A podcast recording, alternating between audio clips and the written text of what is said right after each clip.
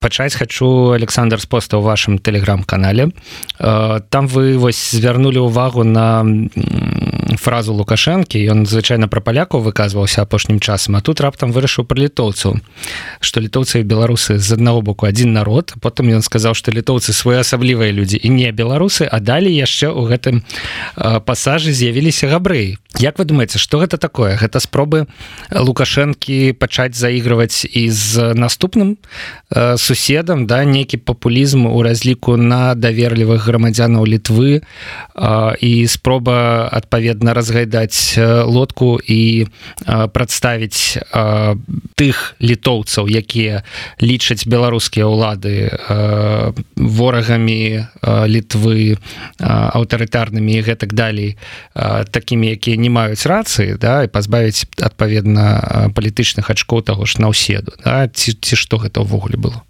Ну я пачаў бы з таго што ўся гэтая рыторыка лукашэнкі яна какая ўжо досыць тыповая і вельмі ўжо савецкая. Нават у савецкай часы ж падкрэслівалі простыя амерыканцы альбо простыя заходнія немцы але простыя французы. Гэта добрыя людзі з якімі мы маглі размаўляць супрацоўнічаць і іншае. А ёй ле ёсць дрэнныя эліты дрэнныя капіталісты дрэнныя кіраўнікі. Ну вось гэтым же гэтай же рыторыкай карыстаецца сёння лукашенко у адносінах да заходніх краінаў і ў прыват прыватнасці да суседзяў таму яго ёсць добрыя літоўцы і калі ён разважае пра літоўцаў ён жа кажа што ён іх добра ведае а ведае ён іх савецкіх часоў бо уласна кажучы па-за савецкага вопыту контактаў з літвою яго асабліва няма Вось ён ж гэта ўвогуле такі беларускі феномен беларускага дзяржаўнага кіраўніцтва яны суседзяў амаль не ведаюць бо яны туды не ездзяць і яны з імі не супрацоўнічаюць актыўна Так што ён карыстаецца гэтымі савецкімі формуламі і вось яно і пайшло з аднаго боку дрэнная літоўская ўлада а з другога боку простыя літоўцы Ну тут э, вельмі супярэчлівыя былі выказванні напэўна лукашэнкаўская прэс-служба на гэтую супярэчлівасць ужо ніякай увагі не звяртае Ну так яна публікуе ўсё ўсё як вот э, выходзіць значится са светача да так это ўсё у эфиры трапляе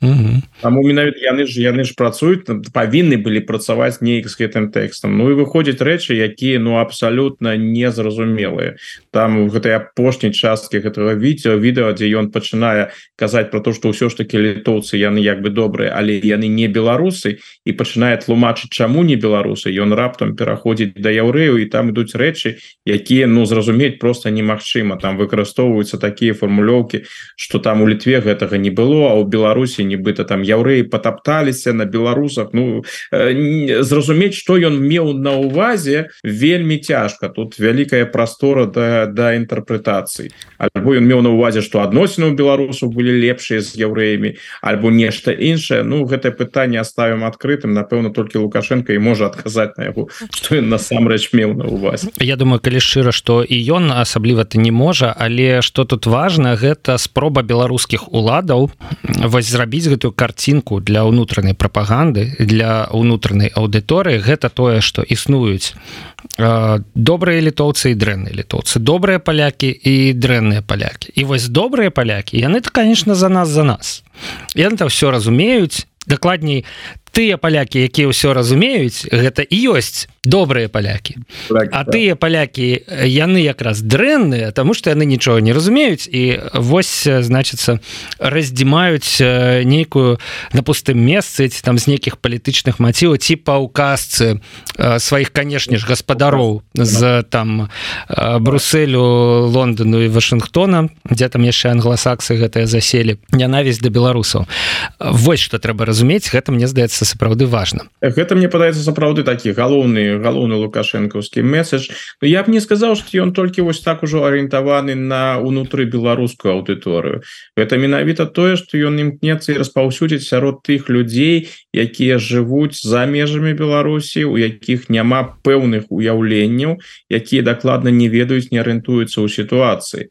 То бок той факт что беларуская дзяржаўная прапаганда пачала выкарыстоўваць у сваёй працы замежныя мовы мовы там больш актыўна выкарыстоўваць і не толькі там англійскую нямецкую французскую что яны рабілі раней яны нават робяць зараз нейкія рэчы на польскай мове. То бок яны там інтэрв'ю лукашэнкі перакладаюць на польскую мову. Альбо нейкія прапагандысцкія фільмы яны перакладаюць на польскую мову. То бок яны зацікаўлены у тым каб хаця б паспрабаваць дасягнуць і польскую аўдыторыю. Ну напэўна нейкіх нейкія маргінальныя пласты гэтай аўдыторыі яны і дасягаюць але на большее канешне гэтая прапаганда нездатная с майго пункту гледжання я б тым не менш канешне на месцы польскіх і літоўскіх уладаў звярну на гэту увагу. І яшчэ учора трэба было пачынаць думаць як гэтаму супрадзейнічаць Я спадзяюся што ў іх ёсць нейкі план на выпадак того что вось гэтая беларуская прапаганда якая малюе Беларусь такой краінай благословенной дзе там добрая сельская гаспадарка дзе все класна ну пакуль вы не приехали туды не паглядзелі на ўласныя вочы а нават калі паглядзелі ну зойдзеце ў краму. У краме як бы ёсць что набыць там и так далей. Ну заедзеце на заправку да палева там танней чым у Еўропе да? І вось гэтыя літоўцы і палякі таким чынам апрацаваныя. Яны з часам могуць мне здаецца вось вы кажаце маргінальныя да? Але ў пэўных рэгіёнах там на падляшы у прымежных з беларусі і літвы да рэгіёнах яны могуць стварыць мне здаецца ну нейкую такую палітычную сілу якая будзе галасаваць ізноў ж за нейкіх правых папулістаў да там якія будуць разыгрываць беларускую карту не так як і разыгрываюць дзеючыя ўлады ці там нейкі больш свядомыя пра дэмакратычныя пра еўрапейскія палітыкі Ну тэарэтычна гэта магчыма але я думаю что вось лукашенко у гэтым сэнсе у сур'ёз як прапаганд так як інстру рэжым рыклашэнкі як э, крыніцу прапаганды і такую ну сур'ёзную крыніцу прапаганды мне падаецца у вільнюсе у рызе і у варшаве не ўспрымаюць бо па-першае гэтая прапаганда яна не адрозніваецца якасцю яна сапраўды там якасць яе вельмі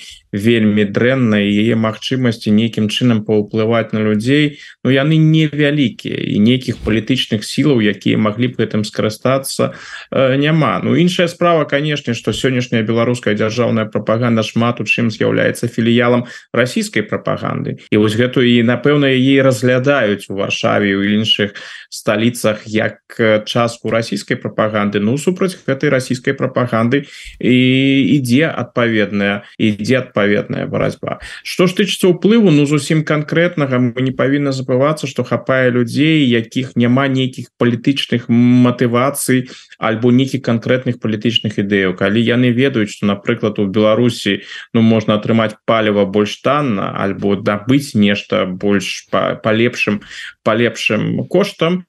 Дык гэтыя людзі могуць сапраўды яны могуць паехаць і яны едуць у Беларусі гэта набываюць і тут нельга тут так разважаць что гэтыя людзі вось яны апрацаваныя лукашэнкаўскай прапагандай альбо ім падабаецца лукашенко. Нет тут абсалютны прагматызм ёсць такая магчымасць я могу там нешта для сябе выгадаць Ну чаму чаму не такія такія рэчы былі такія рэчы нават былі ў гісторыі ва адносінах паміж заходняй Геррманіі і ўсходняй Геррманіі калі магчымасць у заходніх немцаў была ўжо ну досыць свабодна ездзіць у ГДР ГДР была зацікаўлена у той же валюте і іншым з заходняй Геррманіі былі людзі якія прыязджалі ў ГДР не таму что ім падабалася гэтая сістэма яны увогуле не падабалась яны ведалі напрыклад что тую ж нямецкую класіку тыя ж кнігі можна набыць у ГДР куды танней чым у заходняй Геррманіі і вось таму ездзілі і куплялі там нейкія нейкія рэчы. Без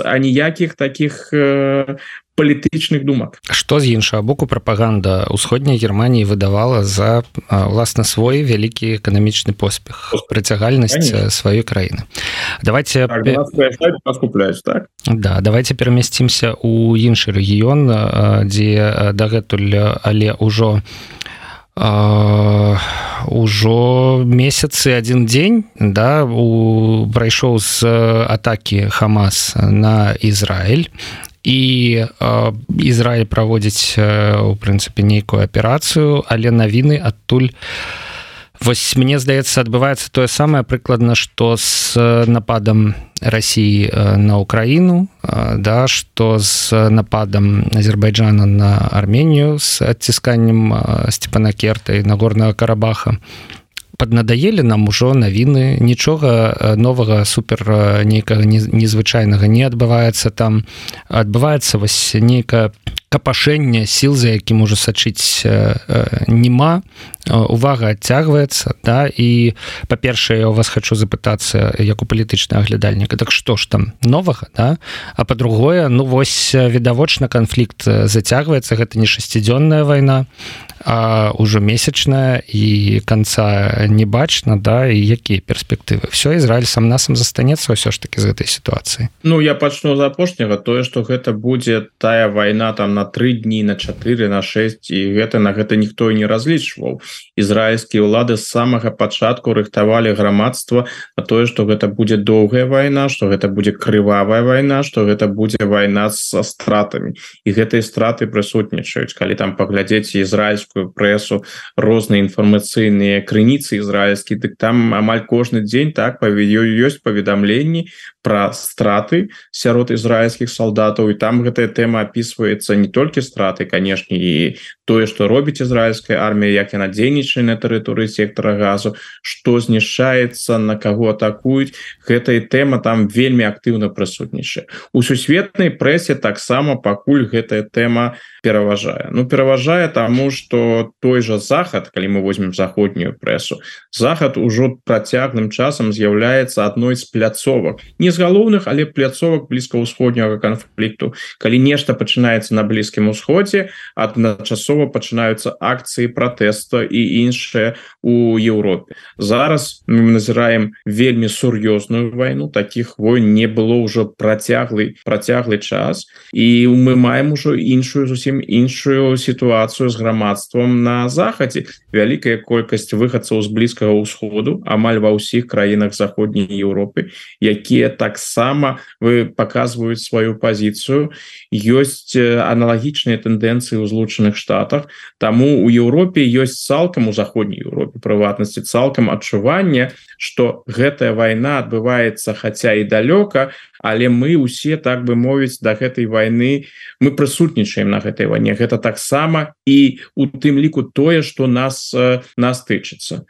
Іншая справа колькі гэта ўсё яшчэ будзе працягвацца зменіцца сітуацыя праз месяц праз два праз тры. А мне падаецца что ізраильская аперацыя будзе працягвацца яшчэ яшчэ некалькі месяцаў гэтая задача знішэння хамаса хамасаўскай інфраструктуры гэта вельмі амбіцыйная задача. Гэта ты не выканаеш не за дзень не за тыдзень не за два не за три то бок нас чакаюць яшчэ абвастрэнне нас чакаюць яшчэ вялікая колькасць ахвяраў як цывільных ахвяраў так і ахвяраў з боку ізраильскага войска. І адпаведна гэта будзе уплываць на настроі у Еўропе. Нас чакаюць яшчэ і моцныя акцыі пратэсту Мачыма гвалт тэрарызм усё магчымае. Так что я думаю что гэтая тэма яна будзе яшчэ працяглы час прысутнічаць. Что ж тычыцца вось темы войны Азербайджана і Арменії дык яе фактычна няма. Гэтая тэма была караценькі час яе абмяркоўвалі гэтая тэма знікла.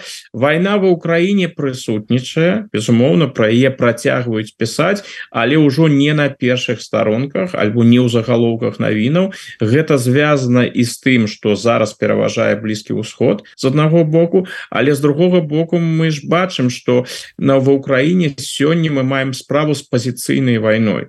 Тут нічога радыкальнага не атрымліваецца на дадзены няма няма вялікіх поспехаў як з расійскага боку няма вялікіх поспехаў з украінскага. Няма нічога лёса вызначальнага Таму і адпаведна фокус ён э, на дадзены момант змясціўся. Калі на блізкім усходзе ўсё скончыцца Украіна зноў будзе у фокусе сусветнай грамадскасці але скончыцца не хутка як у прынцыпе я зразумеў з першай часткі вашага адказу. Сёння ну вяртаемся ў Беларусь да сёння у лукашэнкі вельмі важная сустрэча і гэта я думаю что вось могуць можете 5 секунд пагадаць з кім да я вам вось пакуль гавару гавару гавару скажу что з чарговым расійскім губернатарам на гэты раз губернатарам ставропольскага краю прагучала цікавая таксама сцвярджэнне цікавае замацавацца на поўдні расійскай федэрацыі. Як думаеце калі ўжо расіянам надакучыць вось гэта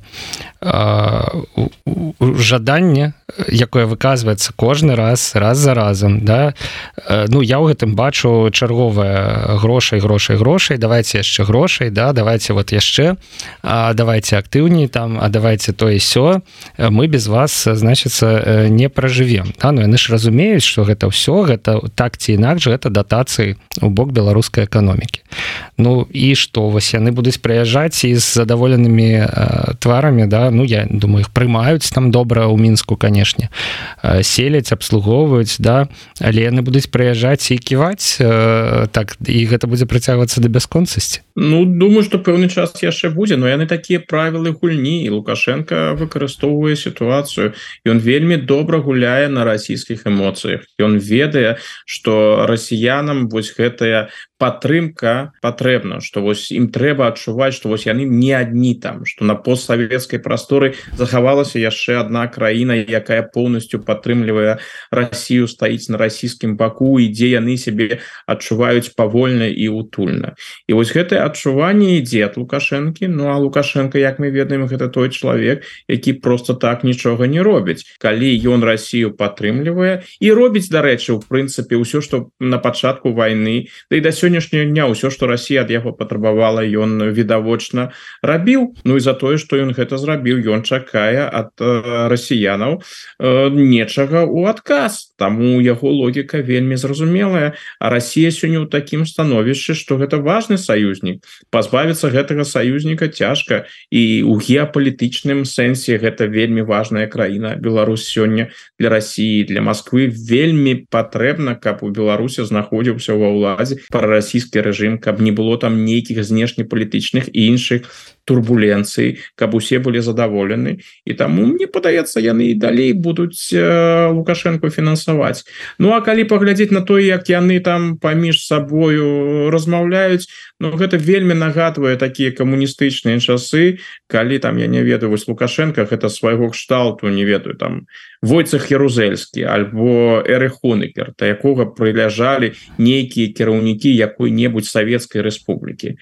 Вось ведалі так гэта наш чалавек гэта наш сатэліт але ён усё ж таки прэзідэнт як-нікак я толькі кіраўнік рэспублікі а ён усё ж таки прэзідэнт дзяржавы Ну вось яны і паводзіць сябе з лукашэнкам адпаведным чынам с вялікай павагай Вось я для іх это пэўнае падняццё на новы на новы ўзровень яны ж усё ж таки расійскія губернатары яны не сустракаюцца с кіраўнікамі дзяржаваў А тут их запрашае лукашенко і размаўляе з імі ну амаль назовем гэта так на роўных ім гэта падабаецца таму і паводзіць яны сябе адпаведна Ну а як себе паводзіць в таких сітуацыях яны навучаны А ён то спускаецца атрымліваецца на іх узровень да? Все ж таки ён свой узровень лічыць вышэйшым гэта там Путін гэта седзіньпінь і гэтак далей а яго таксама ён готовы да готовы гэта зрабіцца таму ён канешне ён не зноў жа ён з імі размаўляе інакш як ён размаўляе з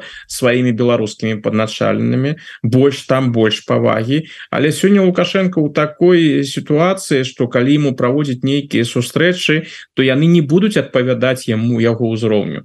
Ось прыехаў міністр замежных справаў Венгрыі сіярта і он з ім сустрэўся. Но сустрэча з міністрам замежных замежных справаў гэта таксама не яго ўзровень. Ну а як ён можа не сустрэцца? Можа ён лічыць что у яго такая важная магчымасць нешта перадаць туды у Еўропу. Таму і сустракаецца зразумела прэм'ер міністру замежных справаў гэта прыемна что яго прымаюць на такім узроўні. Яны гэта з задавальненнем робяць.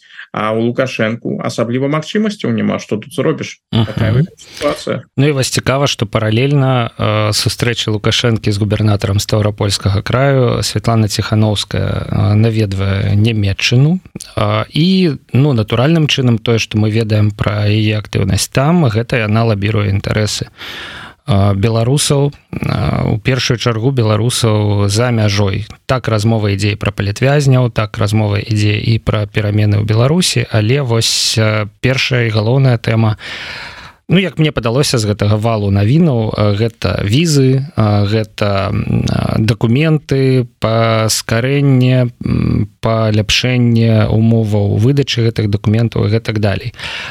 Што у нямметчыне ёсць бачна я не ведаю пра гэты візіт да і у Ну як вы яго ацэньваеце на фоне ізноў жа того што робіць лукашенко з гэтымі губернатарамі Ну ізноў жа тут ідуць такія падзеі у, у свеце. І тут одна вайна ў Еўропе вайна на блізкім усходзе з патэнцыялам каб стаць сусветнай вайной і таму канешне візіту ціхановскай такой сур'ёзнай увагі не не надзяляецца тым больш што напрыклад шольцам яна не сустракалася наколькі наколькі я разумею.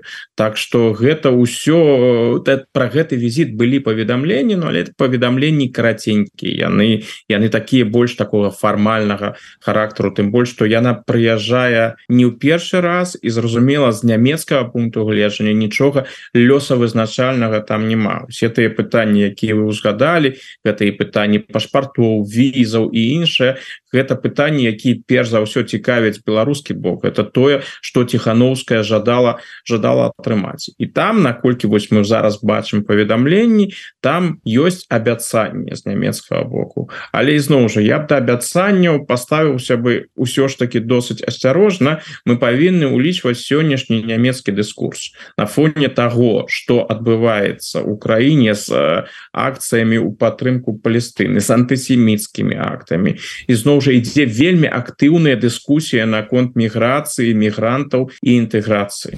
Вось гэта гэта адна з галоўных тэмаў на дадзены момант. І гаворка ідзе не про тое каб выдаваць больш візаў запрашаць больш людзей. Гаворка ідзе хутчэй про тое каб гэты працэс урегаваць каб не было вось такой колькасці такого наплыву мігрантаў. Гэта такі асноўны тэнар сёння дыскусіі. Нават гаворка ідзе про тое каб у будучыні паспрабаваць адкрыць адпаведныя цэнтры якія будуць э, разглядаць жаданні людзей якія хочуць атрымаць прытулак у, нямметчане каб гэта разглядалася не на тэрыторыі краіны а за яе межамі каб потым не было праблемаў з дэпартацыяй гэтых людзей. Іншае то бок усе пытанні пашырэння яны не вельмі пасуюць да сённяшняй да сённяшняй сітуацыі. Але з другога боку трэба адзначыць что ўсё ж таки беларуская без все что звязано з беларусамі і колькасць візаў і пытанне людзей якія жывуць з беларускімі пашпартамі на тэрыторыі на тэрыторыі Геррманії гэта невялікая колькасць людзей. Таму гэта не такое ўжо вялікае пытанне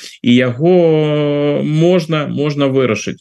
То бок калі ціхановскай былі дадзены адпаведныя тлумачэнні калі нямецкі бок на гэта пагадзіўся Ну тады мы маем сапраўды рэальны результат ась от вось гэтай поездки Ну і тое что яна была ізноў жа тэма была ўзгадана і тэма палітвязняў іншая увогуле беларуская тэматыка ізноў потрапіла ў фокус канешне гэта мае адпаведнае адпаведнае значэнне але ізноў жа перабольшваць гэты візит таксама не не трэба. Гэта працоўны візит і з пункту гледжання нямецкага досыць досыць невялікая падзея і з гледзяшча прагматычных немцаў все ж таки пытанне выглядае не так як з нашага да? Яны найперш дбаюць про тое каб іх дзяржаўныя органы добра працавалі А калі ў іх будзе шмат мігрантаў з Беларусі. І я ўпэўнены што ўсё ж такі яны ацэньваюць гэтую міграцыю сёння як увогуле міграцыю з усхода Еўропы а значыць у адным кантэксце з украінскімі і расійскімі мігрантамі. Да каб гэтая сістэма нармальна працавала пера варівала кожнаму у адказ выдавала тое чаго ён заслугоўвае.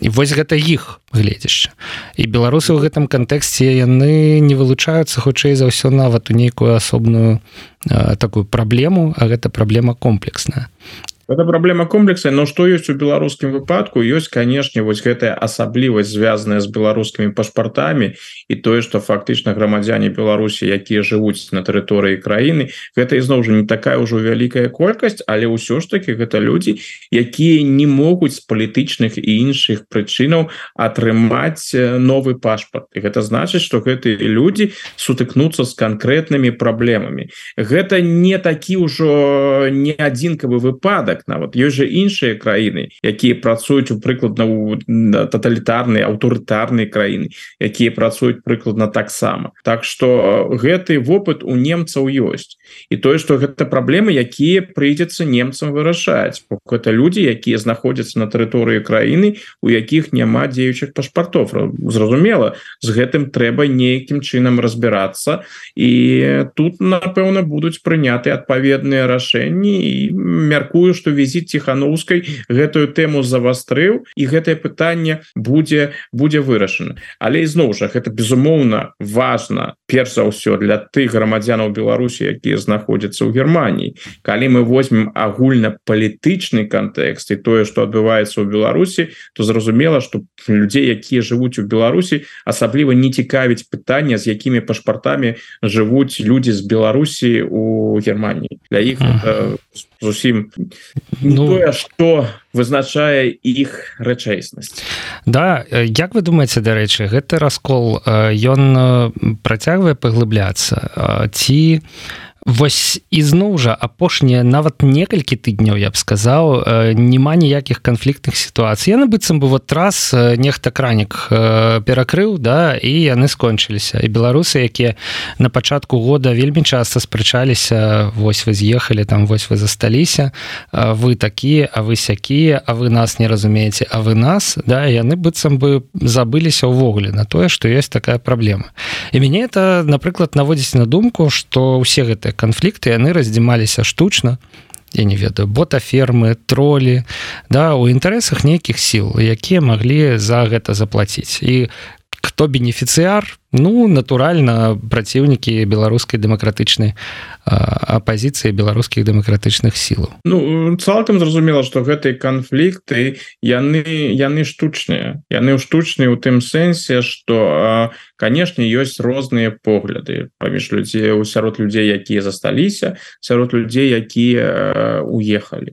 І тут канешне калі один бок пачынае навязваць свае погляды другому гэта дрэнная справа. Но звычайна гэта ўсё ж таки вырашаецца А калі вось гэта наўмысна распальваецца і подкрэсліваецца Ну гэта найлепшы найлепшы метод для того каб пасварыць людзей а пасварыць людзей у наших сённяшніх умовах калі ўсё так напружана калі навіны дрэнныя пераважаюць і нейкіх настрою аптымістычных фактычна няма А ўсё что на нас навальваецца так это хутчэй хутчэй у накірунку пагаршэння сітуацыі то у таких умовах з нейкай дробнай праблемы з нейкай дробнай тэмы можна зрабіць шмат чаго і сапраўды пасварыць людзей вельмі моцна пасварыць людзі і радыя пасварыцца уласна кажучы Вось навіна мне здаецца апошніх гадзінаў гэта то што Азербайджан сёння праводзіць э, вайсковы парад у сціпанакерце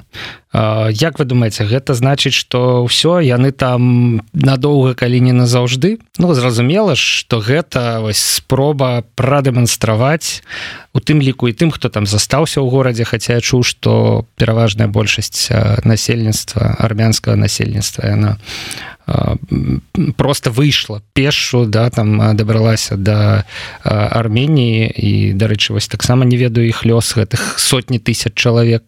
Вось карцей Азербайджан дэманструе всему свету і тамтэйшым что все конец гісторыі тут мы.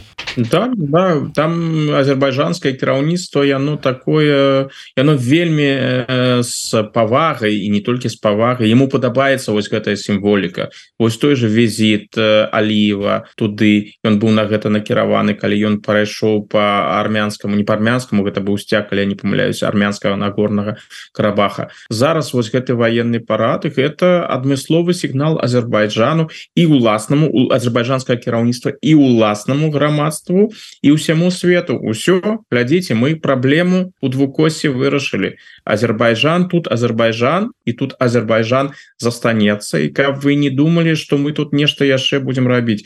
Ну а тыя люди якія там засталіся но відаць іх сам зусім не шмат засталася. Я думаю что умовы жыцця у Азербайджане для іх будуць такія складаныя нават сказаў невыносныя хутчэй за ўсё. Бо канфлікт ён як бы вырашыўся военным чынам але адносіны паміж армянамі азербайджанамі азербайджанцамі не палепшыліся. Ну мягко кажуш не палепшыліся да. Як яны могли палепшыцца? Таму цяжка уявіць что гэтая армянская меншасць якая там засталася что яна неяк там будзе э, існаваць что іх будзе хотя б магчымасць на нейкую культурніцкую аўтаномію. Я думаю что яны стаяць перад выбором альбо азербайджацыя назовем гэта так альбо яны становятся азербайджанцамі і э, заканчиваюць сваёй армянскай ідэнтычнасцю. Альбо яны Азербайджан пакідаюць. Іншых магчымасцяў альбо яны пакідаюць карабах азербайджанскі карабах.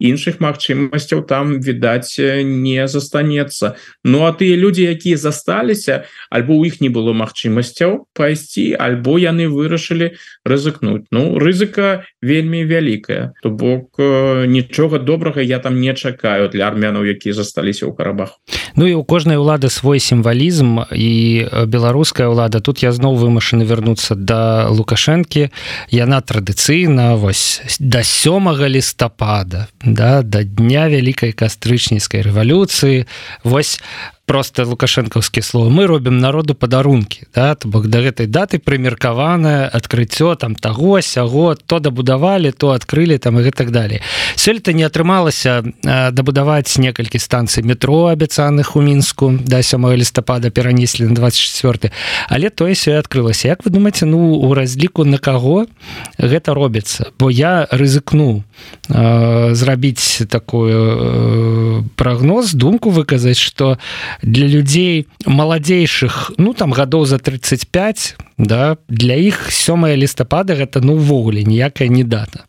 Гэта магчыма просто дзень калі ў беларусі открываюцца станцыі метро там і націскаюць на кнопку на атомнай электрастанцыі лукашенко дагэтуль арыентуецца на электарат больш сталага веку. Я думаю что лукашенко увогуле про электарат асабліва не задумваецца ён арыентуецца на самога сябе Вось калі я я вось нават паглядзеў апошнімі днямі яго выказванні про гэтае свята за апошнія 25 гадоў як змяняецца яго рыторыка что ён кажа якія якія які сэнс ён укладвае ў гэтае свята.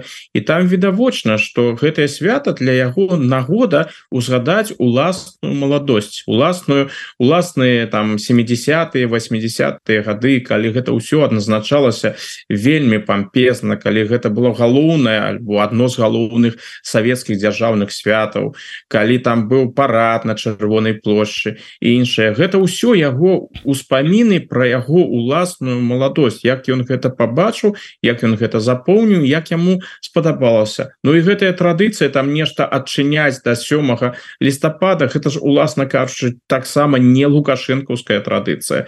Гэта савецкая традыцыя. Калі ён гэтае свята зрабіў дзяржаўным у 95 годзе годзе ён абапіраўся сапраўды на людзей сталага ўзросту але таксама на свае уласныя эмоцыі. Ну паступова гэтых людзей якія яшчэ памятаюць гэтае савецкае свята іх становіцца ўсё менш і менш а большасць як як вы сказаны большасць Ну асабліва маладыя людзі з сацыялізацыі пасля 91 -го году для іх это звычайны выходны дзень і яны асабліва і гэтай рэвалюцыі бальшавікамі і іншым не цікавіцца так лукашенко мне падаецца зусім не цікавіцца. І он вось запомніў что гэта быў такое савецкае свята вялікае прыгожае свята і нешта адчынялі. Ну вось ён такі зрабіў сурагат ён гэты сурагат прапановвае і гэтые ўсё гэта патрэбна яму. Ну і что насамрэч вельмі смешна год за годам адзначаецца гэтае свята. Ну ўжо 28 гадоў азначаюць амаль 30 гадоў. І кожны год паўтараецца одно і тое ж.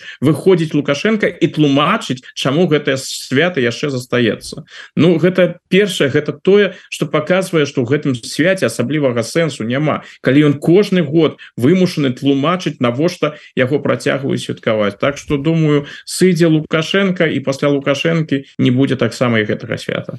Ну цікавае назіранне ад Александра Фрыдмана які як палітычны аглядальнік як гісторык вывучыў что лукашенко казаў цягам гадоў про сёмага лістапада а ў адказе на маё пытанне.